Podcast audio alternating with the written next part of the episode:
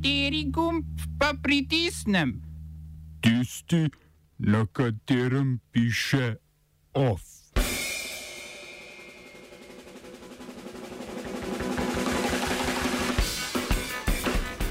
Severnoirska premijejka Arlene Foster napovedala odstop z položaja. Moldavijska predsednica Maja Sandu je razpustila parlament in razpisala predčasne volitve. Evropska komisija slovenski tiskovni agenciji odobrila 2,5 milijona evrov nadomestila za opravljanje javne službe. V kulturnih novicah pa Mariborski slem veterani.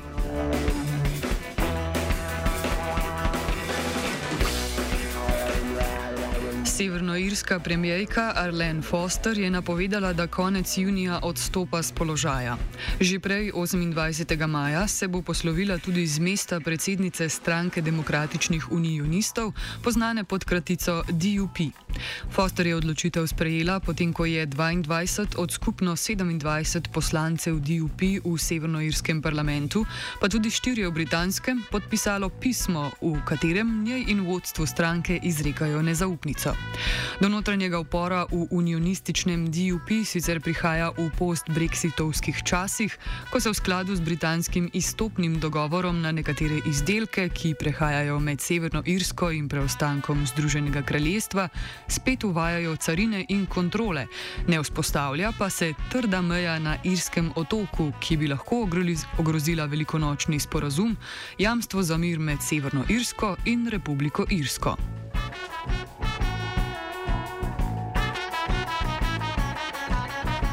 Foster je DUP vodila od leta 2015, leto kasneje je postala premijejka. V zgodovino se je upisala kot prva ženska in najmlajša oseba, ki je v Severni Irski opravljala omenjeni funkciji.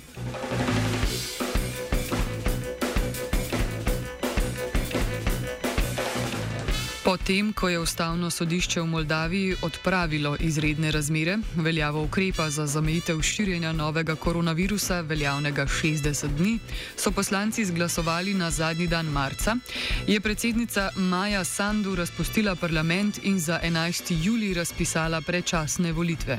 Kot je dejala, upa, da bo novo izvoljeni sklic služil državi in njenim ljudem. Ne neposredno izrečeno, a jasno je ostalo upanje na konec politične krize krize, ki v Moldaviji traja vse od izvolitve Sandu lanskega novembra. Proevropski predsednici se je vse od zaprisege naprej zoprstavljal njen predhodnik, proruski Igor Dodon, čigar socialistična stranka z večino v parlamentu je dvakrat zavrnila imenovanje kandidatov za predsednika vlade, ki ju je predlagala Sandu.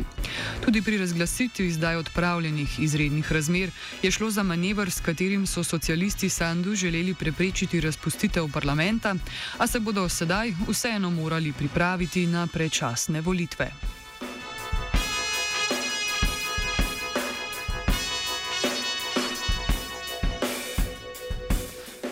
Filipinski predsednik Rodrigo Duterte je dejal, da z Južno-Kitajskega morja ne bo odpoklical ladji vojske mornarice in patruljnih čovnov obalne straže, saj da suverenost nad teritorijalnimi vodami ni tema, o kateri bi se pogajal. V isti sapi je sicer dodal, da želi z Ljudsko republiko Kitajsko, ki ji Filipini dolgujejo hvaležnost za pomoč pri deloma brezplačni dobavi cepiva proti COVID-19 podjetja Sinovac, ohraniti prijateljske vezi. Gre za zadnjega izmed odzivov Duterteja na napetosti v Južno-Kitajskem morju, ki se ga skoraj v celoti, ne samo po imenu, lasti Kitajska. Nedavno jih je še počgala nepripravljenost Kitajske na umik svojega ladjevja iz filipinske izključne ekonomske cone, zaradi česar domača javnost od Duterteja zahteva odločnejši nastop od do sedaj uvedenih vaj obalne straže. Spomnimo, da je v sporu med Manilo in Pekingom glede Južno-Kitajskega morja odločalo mednarodno arbitražno sodišče, ki je leta 2016 v skoraj vseh točkah pritrdilo Filipinom, a do implementacije razsodbe nikoli ni prišlo, saj Kitajska arbitraže ne priznava.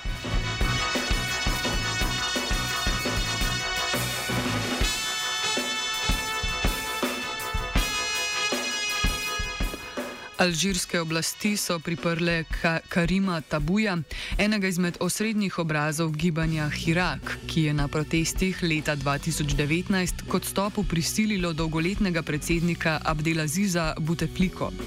Pred parlamentarnimi volitvami, ki bodo v Alžiriji potekale 12. junija, se v državi tako zaostruje politično ozračje in stopnjuje resentiment oblasti do Hiraka, o katerem je predsednik Abdelmadžič Tebun ta mesec dejal, da ga sestavljajo nenadolžni aktivisti, ki skušajo ovirati demokratični proces.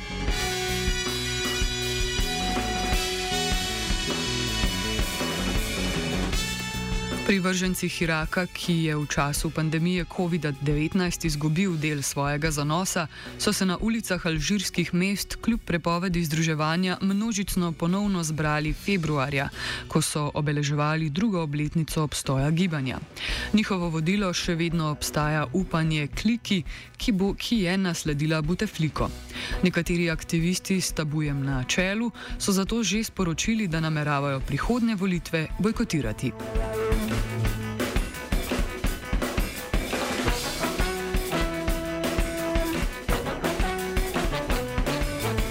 Ameriški predsednik Joe Biden je na predvečer stotega dne pred, predsednikovanja imel svoj prvi nagovor kongresu. Med ključnimi podarki sta težnja po ponovni izgradnji srednjega razreda po pandemiji COVID-19 in predstavitev reforme okrevanja, ki zajema načrta za delovna mesta in družine, skupaj vredna 3300 milijard evrov. Sredstva za izvedbo ukrepov in načrtov naj bi zagotovili z obdavčitvijo najbogatejših, to je tistih, ki na leto zaslužijo več kot 400 tisoč dolarjev oziroma 380 tisoč evrov. Demokrati imajo tesno večino v obeh domovih, predstavniškem in senatu, vendar se napovedanim zakonodajnim svežnjem ob nasprotovanju republikancev, teksaški senator Ted Cruz je Bidenov govor označil za dolgočasen a radikalen, pred potrjevanjem obeta dolga in zahtevna obravnava. Oba, če, če bom odgovoril na angliški. Slovenija bo poskušala pomagati. Slovenija bo naredila naš utmost, da bo rekla, da je situacija naš problem, sami. In mi bomo naredili nadaljnje korake, as soon as the conditions are. Bomo vlado Marjana Cererera Šarca podprli. Zelo, zelo resno. Slovenija. We know how and we will.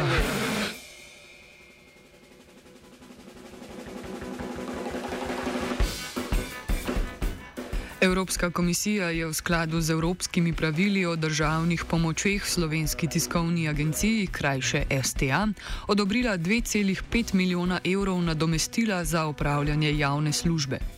V izjavi za javnost so pri Evropski komisiji zapisali, da bo javno financiranje prispevalo k zagotavljanju neodvisnih novic slovenski javnosti brez neupravičenega izkrivljanja konkurence na notranjem trgu.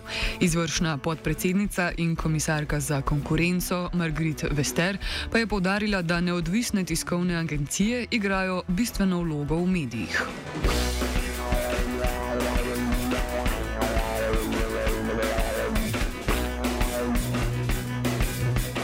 O tem, kaj današnja odločitev Evropske komisije pomeni za STA, več njen direktor Bojan Vesel Inovič. Glede, spomin je kratek, ampak zato, da bomo natančni, je treba povedati dvoje. Evropska komisija ni odobrila 2 milijona in pol sredstev STA-ju, ker to bi pomenilo, da jih bo nakazala Evropska komisija. Gre samo za to, da je Evropska komisija prižgala zeleno luč da lahko vlada financira slovensko tiskovno agencijo, tako kot jo je do zdaj.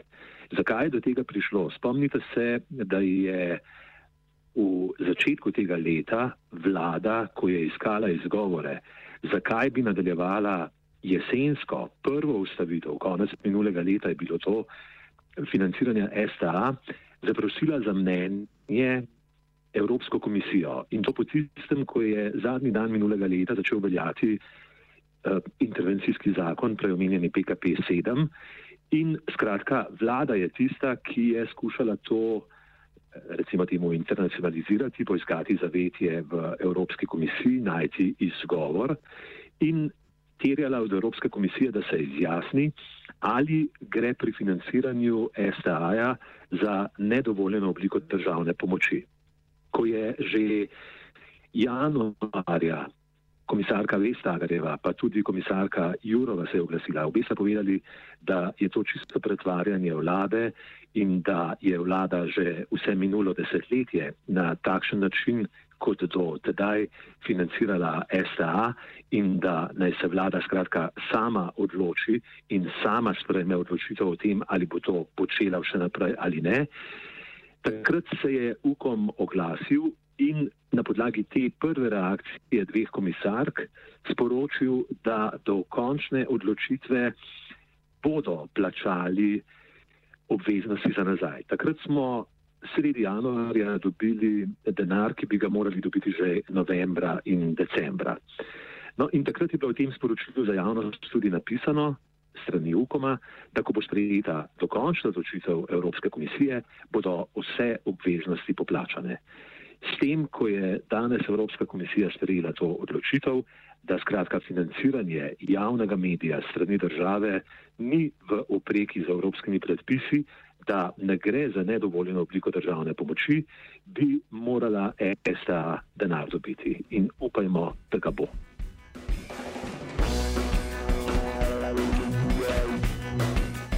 Ob tem dodajmo, da je vladni urad za komuniciranje prav danes zavrnil plačilo zahtevka za upravljanje javne službe STA za mesec marec. STA tako že 119 dni javno službo opravlja brez plačila, ki bi ga morala dobiti od vlade.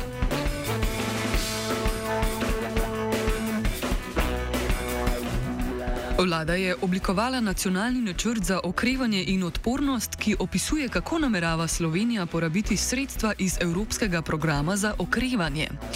1,8 milijarde znašajo nepovratna sredstva, ki jih podarja Brusel, še 666 milijonov evrov pa bo država počrpala v obliki posojil.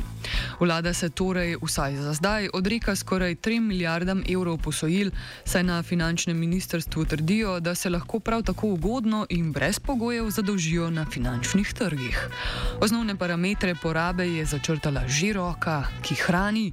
Sledeč bruselskim navodilom bo petina sredstev namenjena digitalizaciji, nekaj več kot 40 odstotkov pa naporom za razogličenje.